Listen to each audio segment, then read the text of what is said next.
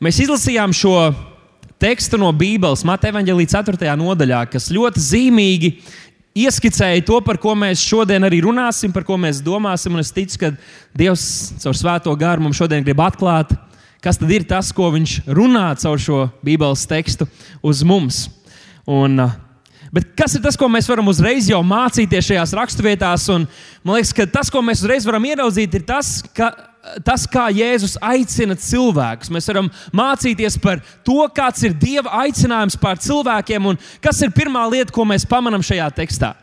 Pirmā, manuprāt, ir tā, ka Dievs, ka Dievs aicina darbīgos ļaudis.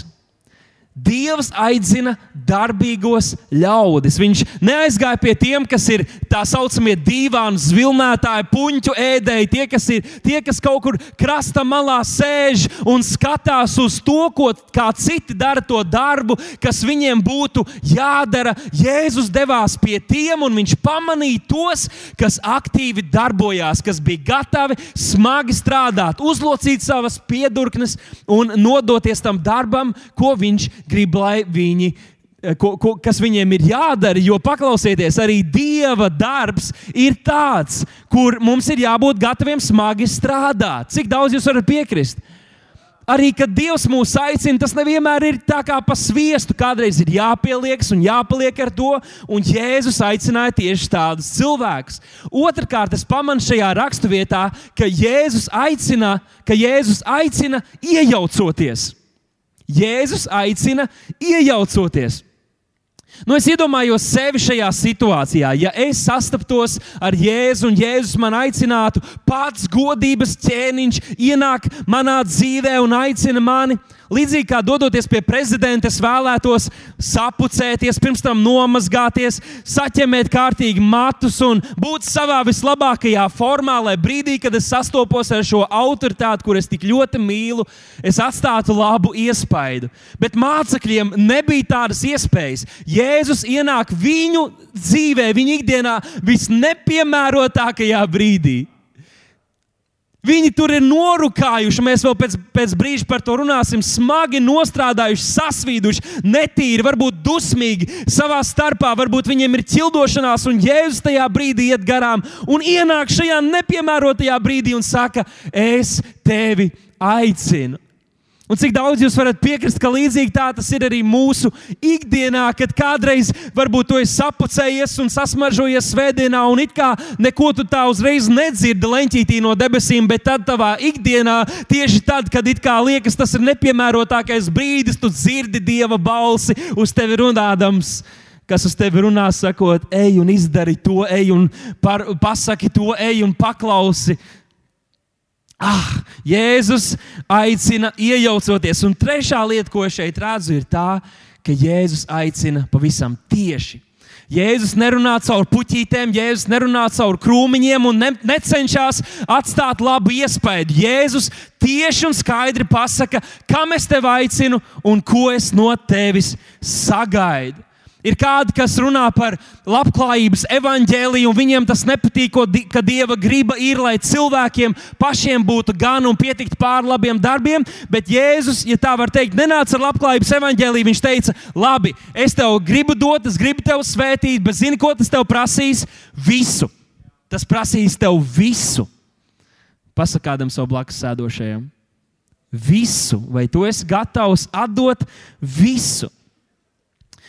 Un tā pavisam interesanti, ka divus gadus atpakaļ mēs ar sievu bijām Izrēlā, tas bija mūsu nu, medus nedēļa, nedaudz novēlojusies medus nedēļa, bet tas bija brīnišķīgs laiks.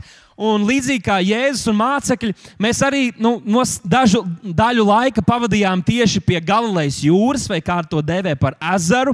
Uh, mēs, mēs dzīvojām tādā pilsētā, kas saucās Tibērija, un mēs no savas viesnīcas augstā numuriņa varējām redzēt šo skaisto jūru. Tas bija brīnišķīgs skats, bet mēs apbraucām tajā apkārt un no visām pusēm redzējām dažādas vietas, kur it kā Jēzus Nu, visdrīzāk, ka iespējams, ka Jēzus tieši tur bija bijis. Mēs nu, pavisam skaidri nezinām, bet tas bija fantastiski. Bet tad, braucot apkārt šai, šai jūrai, nu, es pamanīju, ka tas, ko mācekļi darīja, viņi zvejoja. ka šis ārots nav izmiris, ka tas vēl aizvien notiek šajā vietā, vēl aizvien ir cilvēki, kas tā pelna savu iztiku, kas tā cenšas parūpēties par savām ģimenēm tieši lietojot šo, šo tīklu. Un kādā vietā, kur mēs paši arī bijām laivā bijuši un uh, varējām sajusties līdzīgi kā Jēzus laivā, atrodoties Galilejas jūrā, un bija pat vējš, bet nu, tas ūdens nebija tik viļņains, tā kā jutāmies diezgan droši. Uh, mēs iznācām šeit krastā, un tad mēs redzējām, ka arī kāds zvejnieku kuģis bija iebraucis krastā. Viņi bija savākuši savu tīklu, ko, ko viņi acīm redzot pirms kā laika bija izmetuši jūrā. Un nedaudz tā pavērojot to darbu, ko viņi darīja, es secināju vienu, ka tas ir smags darbs. Tas tiešām ir smags darbs. Nu, mēs rēķinām, ka ir pagājuši vēl 2000 gadi. Tātad laivas ir palikušas labākas, tehnoloģijas ir palikušas labākas, arī tīkli ir palikuši kvalitatīvāki un, un noturīgāki. Un tomēr tas ir ritīgi smags darbs. Un tur bija vesela komanda, kas kopīgi šos tīklus vilka ārā un ņēma ārā šīs zivis, kas tajā bija saķērušās, un, un tina to tīklu apkārt ap tādu, tādu apaļu, kas tā palīdzēja viņiem vilkt to ārā. Un, protams, pēc tam tas tīkls bija jāžāvē un tā tālāk. Un arī Bībelē, ja mēs uzmanīgi esam lasījuši šos uh, evaņģēlijus, tad mēs pamanām, ka ar tīkliem tiek darīts visdažādākās lietas. Tos kādreiz iemet jūrā, tad to, tos ir jāvelk ārā. Tad mēs esam lasījuši, ka kādreiz tīkli bija tik ļoti pilni. Kad uz jēzus vārdu mācekļi to bija darījuši, ka tie tīkli pilnīgi plīsa pušu. Ja? Tad mēs ar kādā vietā arī lasām, ka tie tīkli tika vilkti. Varbūt nebija uzreiz, kur tās zivis ielikt, un mācekļi vienkārši saņēma galus kopā tiem tīkliem un vilka. Nu, vai tie zvejnieki vilka tos tīklus līdz tai vietai, kur tās zivis varētu izņemt? Tīkli saplīsa, tīkli tika mazgāti. Ir rakstīts evanģēlijos, ka tīkli tika mazgāti, un interesanti, ka Efeziešu vēstulē arī Pāvils raksta, ka Kristus mazgā savu draugu un darīs to šķīstu un pilnīgu ar mazgāšanu ūdenī caur savu vārdu. Tīkli tiek mazgāti, un tāpat mēs nu pat lasījām, ka tīkli tiek arī lāpīti. Tīkli tiek lāpīti, jo tie saplīst. Un es arī esmu, man ir bijusi privilēģija piedalīties nedaudz zvejā, un tad tās zivis var ieķerties tik ļoti tajā tīklā. Es pieņemu, ka īpaši Izrēlā, kā es to redzēju, var saķerties tik ļoti, ka nav cits veids, kā viņas dabūt ārā, kā vien pat sagriežot tīklu, un tīkls tiek deformēts, un to atkal ir jāsalā, par to ir jāstrādā, un par to arī māca Bībele. Es gribētu, lai mēs tagad atveram Efeziešu vēstules 4. nodaļu, un tur mēs pavadīsim kādu laiku. Efeziešu vēstule, 4. nodaļa, un šeit ir teksts, kas mums jau ir pazīstams no pagājušā dievkalpojuma. Un tur mēs lasām tāda 4. nodaļa, 11. pants, un es šo tekstu esmu nedaudz uh, paņēmis, gan lat, latviskojis no King James tulkojuma, jo latviskais tulkojums tik precīzi nepasaka šos uh, kalpošanu dāvanu vārdus. Tā tad varat lasīt kopā ar mani, tur stāv rakstīts, viņš arī devis citus par apstuļiem, citus par praviešiem citus par evaņģēlistiem, citus par mācītājiem un citus par skolotājiem nu, ir dažādas uh, teorijas vai dažādi apgalvojumi, kā šīs dāvanas darbojās mūsdienās. Viens no tiem ir tas, ka dažādās draudzēs ir mācītāji, kuriem, uh, kur, lai gan populārākais vārds, kā mēs devējam šos kalpotājus, ir mācītāji, varbūt ir citas dāvanas, kas ir tās vadošās viņu kalpošanā, un, un, un, un tas ir veids, kā tās dāvanas tiek sadalītas. Manuprāt, tās dāvanas ir ļoti klātesošas katrā draudzē. Varbūt mēs nevienmēr tieši tādā vārdā vārdā arī saucam uh, konkrētos cilvēkus. Ja godīgi apstur darbos mēs la lasot agrīnās draudzes uh, notikumus, mēs redzam, ka arī tur visu laiku visi netika dēvēti šajos vārdos. Uh, tika, uh, tika gan identificēti šie draugu vadītāji, lai gan šīs kalpošanas dāvanas, es esmu pārliecināts, ka tās bija klātesošas. Bet tagad es nos, pateikšu īsi katra no šīm kalpošanas dāvanām, ko tā dara. Un jūs droši vien sapratīsiet, vai varēsiet identificēt, ka tās ir aktīvi kalpojoši arī mūsu draugiem. Tātad, pirmkārt, apstuļi ir tie, kas pārvalda, tie nodibina dievvvārdu patiesības, tātad ieliek pamatu un kārtību. Tad pravieši ir tie, kas vada, kas atklāja dieva sirdi, kas atklāja dieva nodomus. Tad evaņģēlisti ir tie, kas sapulcē un kas aizdedzina par pazudušajiem, lai draudzene būtu tā, kas aizsniedz un glāb pazudušos. Tad mācītāji ir tie, kas sargā, kas ekipē un kas iedrošina iedrošina, un, un skolotāji ir tie, kas nostiprina, māca un ceļ.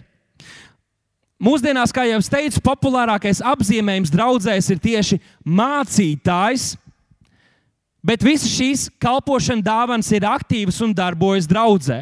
Un, un, un es, es esmu pārliecināts par to, jo, nu, piemēram, attiecībā uz šīs dienas jubileāru mūsu mācītāju, ja mēs skatītos tādā bibliskā kontekstā, tad es atļautos pat teikt, ka mūsu mācītājs, līdzīgi kā Pāvils, varētu teikt, ka es esmu Dieva izredzēts apustulis latviešiem vai latviešu tautai. Jo zinot to, kāds gan vēsturiski, gan arī šajā laikā ir bijis mūsu mācītāji, gan arī mūsu draudzes nozīme un, un, un, un tas, ko mēs esam spējuši paveikt, to nevar nosaukt nekādi citādi kā apustulis. Tāpat mēs varētu runāt par mūsu mācītāju līgu, kas ir ne tikai mūsu draudzes mērogā, bet jāsaka, pat Latvijas un Baltijas mērogā skolotāji ir pravietisks garu, un mūsu draudzes tādā ziņā ir bagātīgi apdāvināti ar kalpošanas dāvanām. Bet mums ir jājautā arī, domājot par šo pašu tekstu, vai visi ticīgie var pravietot, vai visi ticīgie var mācīt un darīt par mācekļiem, vai visi ticīgie var evanģelizēt un dalīties ar evanģēlību, vai visi ticīgie var mācīt Dieva vārdu Un man šķiet, ka tai atbildēji būtu jābūt skaļam, jā, skaļam. Jā, tam dēļ, ka tā ir patiesība. Patiesībā Pāvils pat mūs mudina tiekties pēc garīgām dāvanām. Un, lai gan mēs visi varam darīt šīs lietas, tomēr Dievs draudzēji ir dāvinājis cilvēks ar īpašām šīs kalpošanas dāvanām ar kādu noteiktu mērķi. Tad nu, apskatīsim, kāds ir tas mērķis, kādēļ Dievs ir draudzēji dāvinājis šīs, šos kalpotājus ar šīm dāvanām. Tātad lasīsim 12. pāns. Viņš arī devis šīs kalpošanas dāvanas, lai svētos sagatavotu kalpošanas darbam. Viņš ir devis šīs kalpošanas dāvanas, lai svētos sagatavotu kalpošanas darbam. Cik daudz mūsu vidū ir svēti vai svētie? Ja Jēzus ir tavs kungs, un tu dzīvo viņam, tu esi darīts svēts. Lai gan tu tā nejūties, tu esi svēts. Un tātad šeit runa ir tieši par mums, lai svētos, sagatavot kalpošanas darbam. Bet domājot par šo vārdu sagatavot, man atkal jāatgriežas pie mūsu iepriekšējā stāsta par zvejniekiem. Jo sagatavot šis vārds nozīmē arī ekipēt, bet funkcionāli tas varētu tikt lietots attiecībā uz tīklu lāpīšanu, kad kaut kas, kas nav pilnīgs, tiek darīts pilnīgs tiek salabots, tiek ekipēts, tiek darīts pilnīgs. Tātad, kā zvejnieki lāpīja savus tīklus, tā Dievs ir dāvinājis šī, šos cilvēkus ar kalpošanas dāvanām draudzēm, lai tie salabotu, ekipētu un apmācītu un aizlāpītu kaut kādus caurumus, kādiem tur nevajadzētu būt. Es domāju, cik daudz no jums jūs kādreiz esat jutušies kā tādi tīkli, kuri nedaudz paguruši, kuri ir nedaudz ieplīsuši, kuri ir nedaudz iztaipīti. Varbūt jūs neesat jutušies kā tīkli, bet, bet tā doma ir saprotama, jo mēs visi esam nepilnīgi. Un mums visiem mēs zinām, ka mēs esam darbs procesā. Mums visiem ir vajadzīgs, lai pie mums piestrādā. Mums visiem tas ir vajadzīgs. Mums visiem ir vajadzīga šī labošana, salāpīšana un mazgāšana. Un Dievs ir devis draudzēji šīs kalpošanas dāvanas, lai draugi, tas ir svētos, ekipētos, apmācot un parādot piemēru un, un, un, un uh, iedvesmojot darīt šo kalpošanas darbu, ko pēc tam Dievs sagaida no pašas draudzes, tas ir svētajiem, šo kalpošanas darbu arī veikt. Tad viss kalpošanas darbs netiek uzkrauts tikai kalpošanas dāvanām, kas visnotaļ ir svarīgas. Kalpošana šeit runā pavisam konkrēti par svētajiem. Un kā jau jūs teicāt, svētie esam mēs. Svētie esam mēs, kas mēs kalpojam Dievam. Tātad mēs esam sapratuši, sapratuši, kāds ir uzdevums un ko Dievs sagaida no šīm kalpošanas dāvanām. Tad nedaudz padomāsim par to, kas tad ir šī svēto kalpošana. Saka, svēto kalpošana. Un tas man šķiet ļoti interesanti, jo šī svētā kalpošana tur tiek lietots šis grieķu valodas vārds diakonija. diakonija. Tātad mēs visi esam aicināti svēto kalpošanai, jeb svēto, ka mēs visi būtu kā diakoni draudzē, svēto, diakoni svēto kalpošanu. Un šis vārds nozīmē, ka tu esi kāds, kas tu izpildi kāda cita dotas pavēles. Un otra nozīme ir tā, ka tu, uh, ka tu pēc dieva pavēles pasludina un popularizē kristīgo ticību sabiedrībā.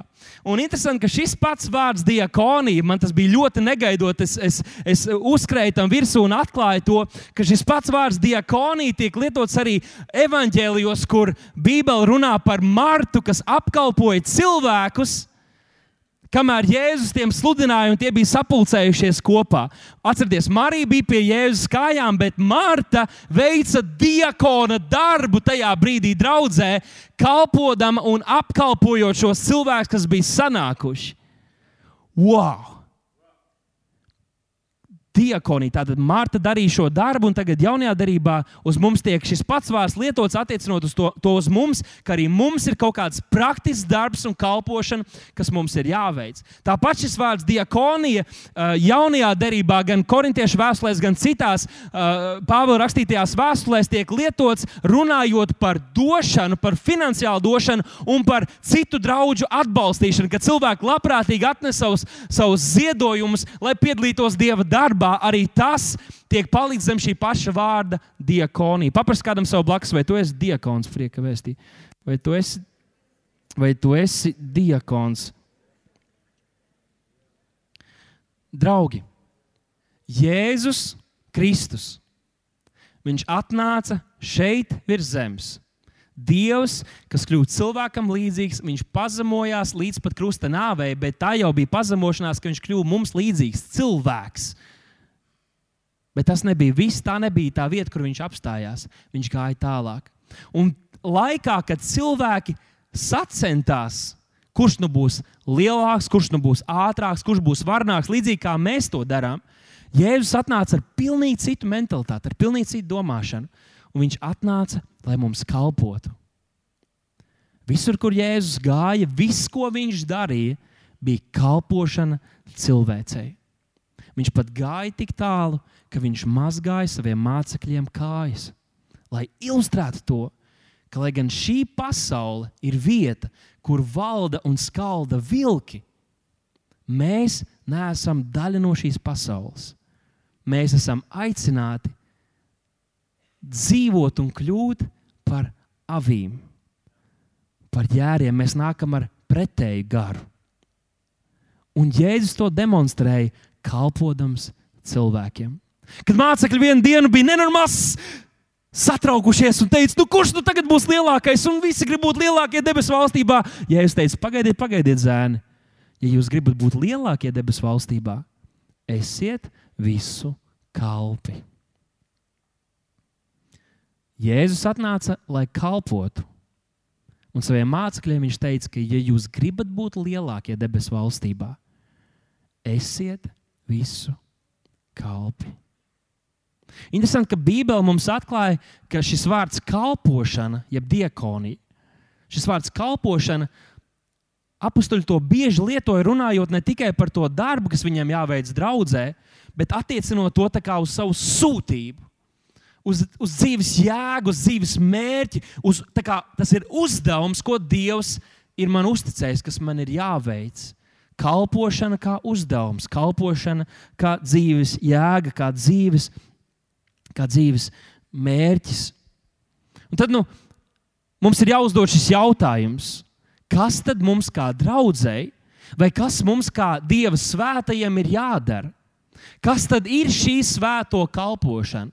Un atbilde ir pavisam vienkārši un acīm redzama. Pirmkārt, celt draugu. Otrakārt, aizsniegt pasauli. Celt draugu un aizsniegt pasauli. Ja jūs esat uzmanīgāk lasījuši jauno, jaunās derības tekstu, jūs būsiet pamanījuši, ka celt draugu šī frāze ļoti daudz dominē. Visu laiku mēs lasām, visās vēstulēs, kur vien mēs atrastos, kur vien mēs būtu, mēs atrodam šo frāzi atkal un atkal, un atkal kas tiek adresēta tieši mums. Ceļiet, draugi, cel draugu, cel draugu. It kā Dievs pat vairāk būtu interesēts draudzes kopuma celšanā, tā kā korporatīvajā Kristus miesā, nekā mums individuāli, lai mums būtu viss labi un mēs būtu briesmīgi svēti un pilnīgi, lai gan tas arī ir viņa pilnīgā griba. Bet Dievs runā par draugu kā par kopumu, jo es zinu, ka es neesmu ne tu pilnīgs un nevarēšu nekad būt pilnīgi tāds kā Jēzus, bet mēs kopā esam. Jo mums katram ir mazumiņš, dāvāns un talants izdalīts, un mums kopā esot, mēs varam būt pilnīgi Kristus miesa.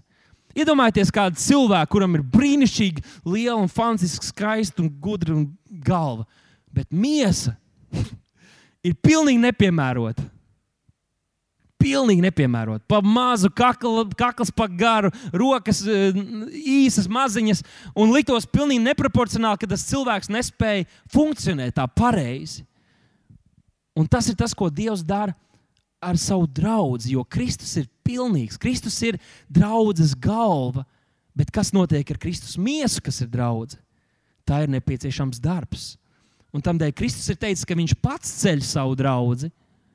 Un tāpat arī katra no mūsu pienākums un uzdevums un iespēja ir būt daļai no šī darba, lai mēs celtu draugu. Nu, daži no veidiem, kā mēs to varam darīt, es, es minēšu tikai dažus, ko mēs Bībelē varam atrast. Pirmais ir, ka mēs varam celt draugu ar savu runu, ar savu valodu, ar to, ko mēs sakām. Un es pavisam pieņemu, ka mūsu vidū ir kādi, kas tā nodomāja, nē, nu kā gan var ar saviem vārdiem celt. Es visu dzīvi esmu dzirdējis tikai lamu vārdus, un, Un, un, un sliktus izteiktus vārdus, vārdi vienmēr ir mani grāvuši, un tomēr šeit Bībelē mūs aicina, Efeziešu grāmatas, Efeziešu vēstules 4. nodaļā, aicina, ka mēs ar savu runu, ar saviem vārdiem ceļam, lai no mūsu mutes nenāktu viens nekrietns vārds, bet tikai tie vārdi, kas draudzi ceļ ar saviem vārdiem mēs ikdienas varam celt draugu, mēs varam celt Kristus miesu un darīt to pilnīgu, tā kā Kristus grib to paveikt arī mūsu sirdīs un draudzē. Otrakārt, Romiešu vēstulē mēs redzam, ka ar savu dzīvi mēs esam aicināti celt draugu. Ar dzīvi, ar vārdiem jau bija pietiekami. Kurš nu var tikt galā ar savu mēlu, tas jau ir pilnīgs vīrs, Bībeli saka. Kur nu vēl ar savu dzīvi? Nu, pateiksim, atklāti, kurš šeit var tikt kārtīgi galā ar savu dzīvi? Nevar. Neviens izskatās, ka nevar. Pāvils tomēr teica, zenieties man pakaļ, kā es zenos pakaļ Kristum. Viņš teica, ka visās lietās es cenšos un pieliekos un strādāju, lai es nevienam nebūtu par krišanu, nevienam nebūtu par, par krišanu ticībā, bet lai celtu tos cilvēkus, kas ir mums līdzās. Un tas nozīmē, ka ja Pāvils to teica, un arī viņš nebija pilnīgs, Dievs to pašu sagaida no katra no mums, un mēs esam spējīgi tā dzīvot, lai ar savu dzīvi mēs iedvesmotu un celtu apkārtējos cilvēkus. Vai kāds var teikt, Amen? Tas ir fantastisks. Dievs aicina mūs ar visu savu dzīvi, nodot visu savu dzīvi, lai celtu draugu. Treškārt, mēs redzam, ka garīgās dāvanas draudzē ir dotas tieši šī iemesla dēļ, lai celtu draugu. Nevis lai mēs staigātu apkārt pa draugu sapulcēm un justos ārkārtīgi garīgi, ārkārtīgi svaidīti. Un visi varētu apbrīnot, ka mums ir oriola virs galvas, un mēs esam tik brīnišķīgi un svaidīti. Un, ja kādam vajag atbildēt, nāciet pie manis, un es jums visiem paskaidrošu, kas, ko Dievs no jums sagaida. Nē, šīs kalpošanas dāvāns vai garīgās dāvāns mums nav dotas, lai mēs celtu sevi, bet lai mēs celtu draugu. Un Bībelē mums atklāja, ka šīs garīgās dāvanas, tāpat kā kalpošanas dāvanas, ir pavisam dažādas un ir izplatītas, izdotas pa visu draugu. Kristus bija uzkāpis, un tad viņš bija nokāpis, un tad viņš izdalīja dāvanas visiem cilvēkiem. Vai tu esi saņēmis savu dāvanu? Vai tu to esi atpakojis? Jo varbūt tu to esi saņēmis, bet vai tu to esi atvēris, vai tu to esi sācis lietot? Bija kāda reize, kad mēs ar ģimeni uzdāvinājām kādu lietu kādai citai ģimenei vai kādam bērnam. Tad nedaudz vēlāk atbraucot, atbraucot, mēs redzējām, ka bantītas un viss tas ir noņemts, bet tā dāvana nav atvērta vaļā. Un es domāju, vai, vai nevarētu būt tā, ka arī mēs, kristieši, kādreiz tā dzīvojam, ka mēs zinām, varbūt pat nojaušam, ko Dievs mums ir devis, esam pat paskatījušies uz to, bet nekad neesam sākuši to lietot. Un tādā ziņā varbūt Dievs šodien runā tieši uz tevi Vēr vaļā to dāvanu, vēr vaļā tās garīgās dāvanas un lietot tās nevis lai celtu sevi, bet lai celtu Kristus draugu. Un visbeidzot, man jāsaka, ka Bībelē ir rakstīts, ka arī šīs pilnvaras draudzē, un draudzē ir pilnvaras, ir garīgas autoritātes, ko Dievs ir ielicis un ko Dievs ir iecēlis noteiktās vietās, lai draudzē būtu kārtība un draudzē tiktu celta un pasargāta un, un, un ekipēta. Arī šīs pilnvaras, un šajā 2. korintiešiem 13.10. Pāvils ļoti specifiski raksta, ka šīs dāvanas nav dotas, lai postītu, bet gan lai celtu draugu lai celtu draugu. Un Dievs aicina katru no mums pielikt arī savu artavu tajā, lai draudzene tiktu uzcelta. Nu, Pastīsimies vienu piemēru, ko mēs redzam Kolosiešu vēstulē 3.16, kur ir rakstīts Kristus vārds, lai bagātīgi mājo jūsos, pamācait un paskubinait citu citu visā gudrībā ar psalmiem, himnām un garīgām dziesmām. Nu, ja mēs tā burtiski pat nepiedomājot, ko īsti šī raksturvieta cenšas pateikt, varētu domāt, ka Pāvils grib, lai mēs dzīvojam tā tādā mūziklā. Jūs esat redzējuši filmas, kas ir kā mūzikli. Uh, kāds piemērs pasauciet? Mūzikas skaņas, jā, tur vēl ir, ir, ir bērniem bija tāda populāra, kur tur dejo un slēgt dzied. Man tās, dzies, man tās filmas nedaudz kaitina. Tiešām iedomājieties, ja mēs šitā dzīvotu, burtiski tikai izraut šo, šo, šo raksturvietu no konteksta, un visur, kur tu ej, tu aizies uz mazo grupu, un, kāds, un tu esi nospiests, un kāds saka, un Dievs ir ar tevi, tu esi brīnišķīgi radīts. Un tu tāds, nu labi, mazliet dīvaini. Un tad tu atnāc uz, uz, uz dievkalpojumu vai satiec kādus eh, kaut kur veikalā, kādu no brāļiem, māsām, Kristu. Ta, ta, ta, ta, ta, ta. Es esmu svētīts, mans brāli. Nē, tas būtu briesmīgi. Nekad nedariet tā, lūdzu, kad mēs satiekamies. Pasakiet, tiem, kas tam blakus sēž, nedara nekad lūdzu tā ar mani. Nu, varbūt, ja tu labi dziedi, tad nu, mazliet var uzdziedāt, bet nu, ne visi, lūdzu, lūdzu, ne visi. Dievam patīk, kā mēs kopā skanam. Kristus vārds, lai bagātīgi mājo jūsu sirdīs. Pāvils citiem vārdiem saka, ka mums būtu jābūt piepildītiem ar Dievu vārdu, lai tad, kad mēs satiekamies, lai no sirds pārpilnības mūsu mute runātu. Un tas ir viens no veidiem, kā mēs reāli, praktiski varam celt draugu. Reāli, praktiski mēs varam celt draugu, daloties ar to, kas ir mūsu sirdī. Reāli. Varbūt es nevaru tagad uzrunāt tieši jums, kād, kādam tur tieši ir kaut kāda vajadzība un kaut kas, kam jūs ejat cauri. Un varbūt, kad es tev par to esmu runājis, varbūt es to nepateikšu. Bet jūs, kas esat apkārt, Dievs var lietot jūs, lai to vārdu, Dieva vārdu, kas ir jūsos, lai celtu draugu Lai katrs atnāk, kurš draugs saņem iedrošinājumu. Katru reizi, kad mēs tiekamies, nejauši vai tieši, mēs ceļam viens otru, mēs kļūstam aizvien pilnīgāki un līdzīgāki Jēzum, un mēs kļūstam par nobriedušiem Dieva bērniem, līdzīgi kā Efeziešu vēstulē, pēc tam vēlāk ir rakstīts, ka mums būtu jābūt vienībā, atziņā, ticībā uz Dieva dēlu, mums jāstiprina draudzam, tad mēs nedrīkstam būt vairs kā zīdaiņi, bet mums jā, jā, jānonāk un, un jā jānonāk šādā garīgā briedumā, tas ir tas, ko mēs kopīgi varam darīt. Tādēļ ir tik svarīgi, ka mēs esam un pastāvam kopā, ka mēs iedrošinām un darba, lietojam šīs dāvanas, ko Dievs mums ir devis. Un tad efeziešu vēstulē, turpat nedaudz tālāk, 16. pantā, mēs redzam vispār fantastisku attēlu. Man šķiet, ka tas ļoti labi sajiet kopā ar šo ilustrāciju par, par tīklu. Efeziešu vēstule 4. nodaļa, 16. pants. Un tur Pāvils runā par draugu. Paskatīsimies, kā tas reāli darbojas kā tīkls. Viņā visa miesa kopā saturēta, visādām palīdzības saitēm vienota, pastāvīgi aug pēc tām spējām, kas katra viņas daļai dod. Katrai viņas daļai dod.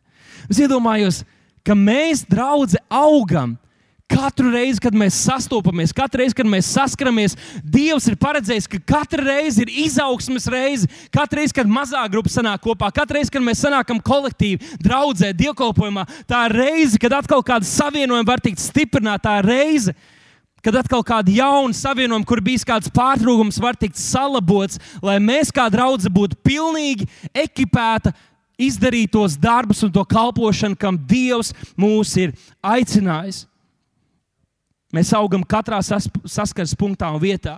Un interesanti ir tas, ka katram ticīgajam, ka katrai draudzēji Dievs ir devis šos apdāvinātos kalpotājus, ja mēs tā varam viņus nosaukt. Apdāvinātie kalpotāji vai cilvēki ar kalpošanas dāvanām, bet tāpat katram ticīgajam Dievs, 7. pantā, Efeziešiem 4,7 rakstīts, katram ticīgajam Dievs ir devis žēlstības mēru. Katrai draudzēji Dievs ir devis šos kalpotājus ar kalpošanas dāvanām, bet katram ticīgajam Dievs ir devis žēlstības mēru. Tas nozīmē, ka katrs cilvēks, katrs kristietis ir unikāli Dieva apdāvināts, lai viņš būtu daļa no tā un celtu draugu, aizsniegtu pasauli, bet neviens no mums neesam tik pilnīgi un unikāli, tik pilnīgi un, un, un uh, nu, pilnīgi, ka mums nevajadzētu šo darbu, ko Dievs dara draudzē, mūsu sirdīs. Un Dievs to uzticēja šīm kalpošanas dāvanām un mūsu brāļiem un māsām, lai mēs viens otru celtu Kristu Jēzu. Tātad neviens nevar teikt, es esmu tik žēlastības apdāvināts un pilnīgs, ka man nav nepieciešama šī ap apustuliskā kalpošana, man nav nepieciešama šī pravietiskā kalpošana un, un mācītāja un evaņģēliskā kalpošana. Neviens no mums neesam tik pilnīgi. Tātad tev ir nepieciešama draudzene, un tu esi nepieciešams draudzē. Tev ir nepieciešama draudzene, un tu esi nepieciešams draudzē. Un varbūt no tieši šī stāsta nāk tāds vārds, kas mūsdienās jau kļūst ļoti populārs attiecinot to uz cilvēkiem, un tas ir tīklošanās. Esat dzirdējuši par tādu? Vai networking, tīklošanās, kas kļūst aizvien populārāks. Jo cilvēki nāk kopā un caur šīm attiecībām viņi kaut ko iegūst.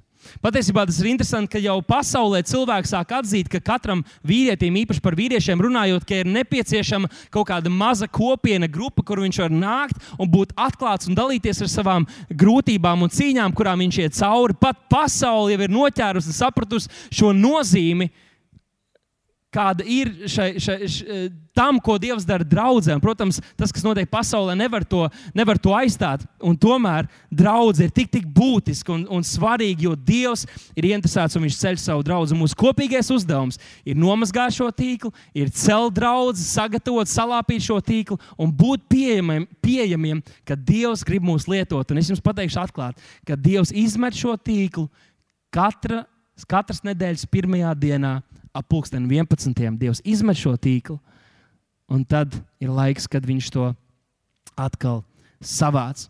Un mēs vēlamies redzēt, kā cilvēki piedzīvo Jēzu viņam, darbojamies ar katru no mums. Un tā tad nepietiek ar to, ka mēs kā draugi tikai kļūstam aizvien pilnīgāki un mainamies viņa līdzjūtībā. Protams, ka tas, kad mēs piedzīvojam viņu, tas likumsakarīgi un dabīgi, tas pēc tam noved mūs pie tā, ka mēs gribam, lai mūsu līdzcilvēki tiek glābti. Bet tīkls, kurš tiek sakopts un kurš tiek labots, viņam ir jābūt arī praktiski lietojamam. Un tā tad Dievs grib, lai mēs aizsniedzam pasauli. Un šī ir tā otrā mūsu kalpošanas daļa - aizsniegt pasauli, aizsniegt pasauli. Jūs varētu kāds lūdzu aiziet, op, super, ideāli, halleluja. Aizsniegt pasauli. Un tur ir daži piemēri, kā mēs to praktiski darām. Uh, pirmais ir ar labiem darbiem. Mēs to darām ar labiem darbiem. Jēzus teica, lai jūsu gaisma spīd cilvēku priekšā, ka tie redz jūsu labos darbus un godā tēvu, kas ir debesīs aizsniegt ar labiem darbiem. Un mēs kādreiz varētu domāt, ka tas, kad mēs esam nejauki pret cilvēkiem, vienus priekšu, Kad, kādreiz, kad mēs esam nejauki pret cilvēkiem, kuri netic dievam, vai kuri nejauki izturās pret dievu mūsu ticību, ka tā ir kaut kāda veida laba rīcība un kalpošana dievam. It kā kāds pasakā, o, es neiešu tavu draugu, un mēs viņu priekšā aizsērtam durvis, un mums šķiet, mēs esam labi ticīgi, jau nākamreiz viņš tā vairs nekad neteiks. Bet tas nav tas, kam Dievs mūs aicināja. Jēzus teica, lai mēs darām labu, lai mēs darām labu cilvēkiem mums apkārt, lai mēs svē, esam par svētību arī pasaulē, kas ir mums apkārt. Otrakārt, mums ir jābūt tiem, kas mēs mīlam tos, kas ir mums apkārt. Jēzus teica, ka pēc tā cilvēki pazīs, ka mēs esam viņa mācekļi, ja mīlestība būs mūsu vidū. Tas, kā mēs mīlam savus brāļus, Kristu Jēzu, kā mēs mīlam arī savu draugu un esam pateicīgi un atbalstam viens otru. Un jā, nevis mīlam pasauli, bet mīlam tos cilvēkus, kuri diemžēl iet pazušanā, un Dievs viņus ir mīlējis un tamdēļ miris par viņu grēkiem.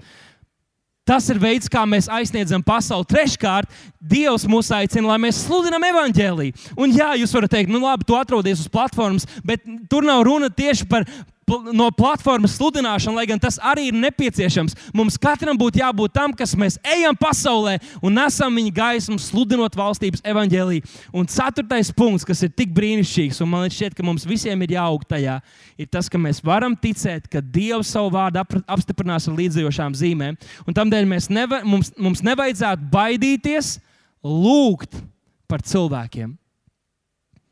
Uzzinājuši viņu vajadzības, uzzinājuši to, kam viņi iet cauri, mums nevajadzētu baidīties būt gataviem lūgt par viņiem ticībā un redzēt, kā Dievs apstiprina savu vārdu līdzjošām zīmēm un brīnumiem.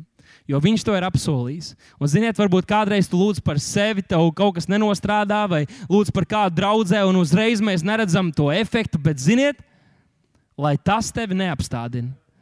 Un šīs dāvanas visvairāk ir paredzētas un darbojas tieši tam, lai mēs varētu aizsniegt pasauli. Jo kādreiz mums, kristiešiem, ir pašiem jānonāk vietā, ka mēs varam saņemt no Dieva. Un, protams, tam ir jānotiek draudzē, un tas notiek, un tas turpinās notiks un, notikt un vairosies. Bet būsim tie, kas mēs esam drosmīgi un pārliecināti, ticības pilni, ka Dievs var lietot katru no mums.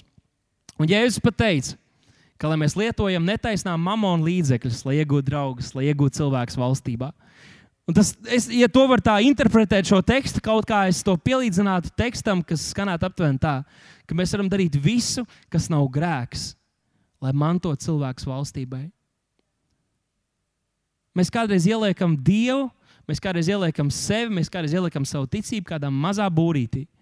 Bet Dievs saka, vienkārši ejiet un dariet, lai ko arī tas maksātu. Cīnīsimies par mūsu līdzcilvēkiem. Jo nav cena, kas būtu pārāk liela, ko, ko mums maksāt, lai redzētu, kā mūsu līdzcilvēki nonāk debesīs.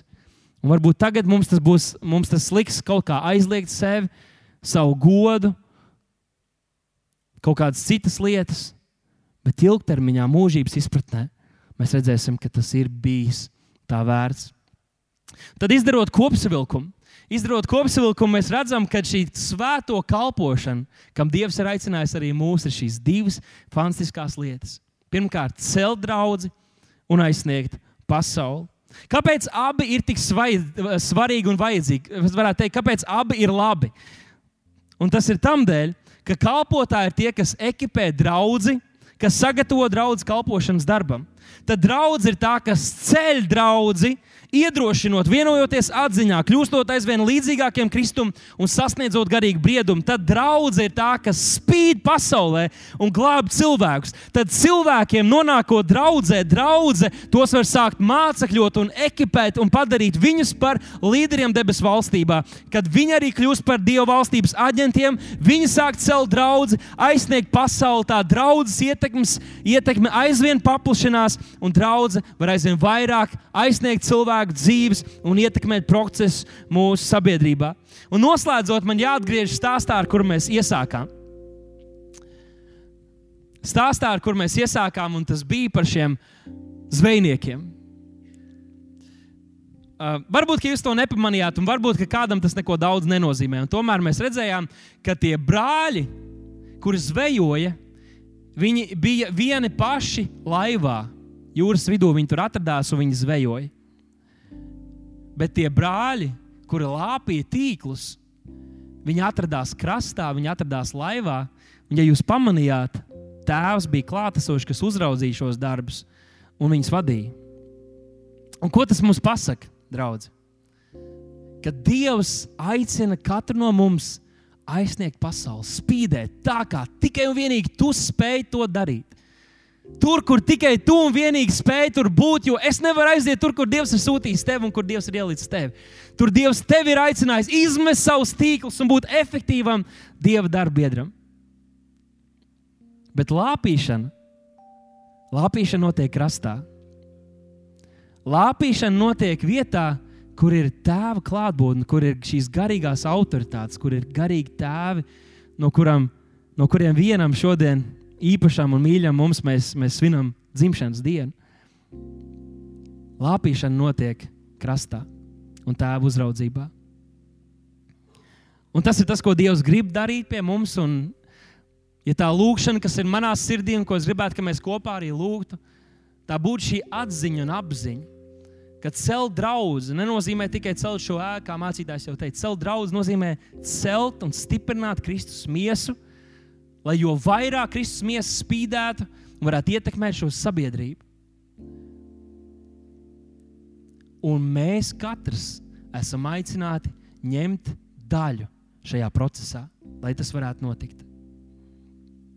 Ja mēs varētu uz brīdi piecelties kājās,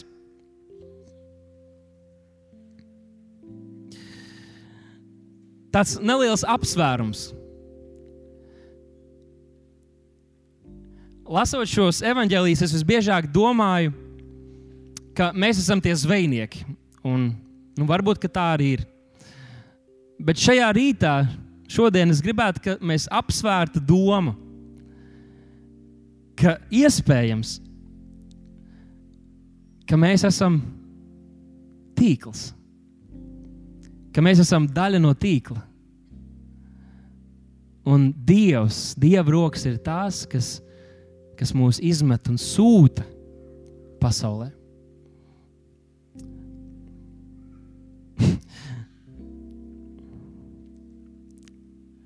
mums savienojoties un kļūstot stiprākiem, kā Kristus miesai, un piepildot viņa doto aicinājumu un kalpošanas darbu katram no mums. Ja mēs varētu kopīgi lūgt, Tēvs, mēs pateicamies par kalpotājiem, par līderiem, par ekipētājiem, par treneriem, ko Tu mums esi devis. Mēs pateicamies. Mēs šodien pateicamies par mūsu mācītāju. Paldies, Tev, Tēvs! Tās mēs lūdzam, ka šajā dienā, kungs, ka mūsu sirdīs nāktu šī atskārsme, atklāsme, ka viss, kas draudzē ir jādara, nav tikai noklausīties sprediķi, bet gan veikt šo kalpošanas darbu, kas ir celt tavu draugu un aizsniegt pasauli tēvs. Un tāpēc šodien mēs lūdzam, Tas, ka mēs katrs varētu uzticami darīt savu kalpošanas daļu. Tās un lietot tās garīgās dāvanas, spējas un talantus. Ceļot draugus ar saviem vārdiem, ar savu dzīvi, lai tā patiesi kļūtu pilnīga un skaista, kā tu to celi Kristu. Lieto katru no mums. Uzam Jēzus vārdā. Es paldies Tev, Tēvs. Viņš teica, es celšu savu draugu, un Elles vārtiem nebūs tai stāvēt pretī. Mēs esam tavi draugi, un mēs ceļamies, un mēs celsim Jēzus vārdā.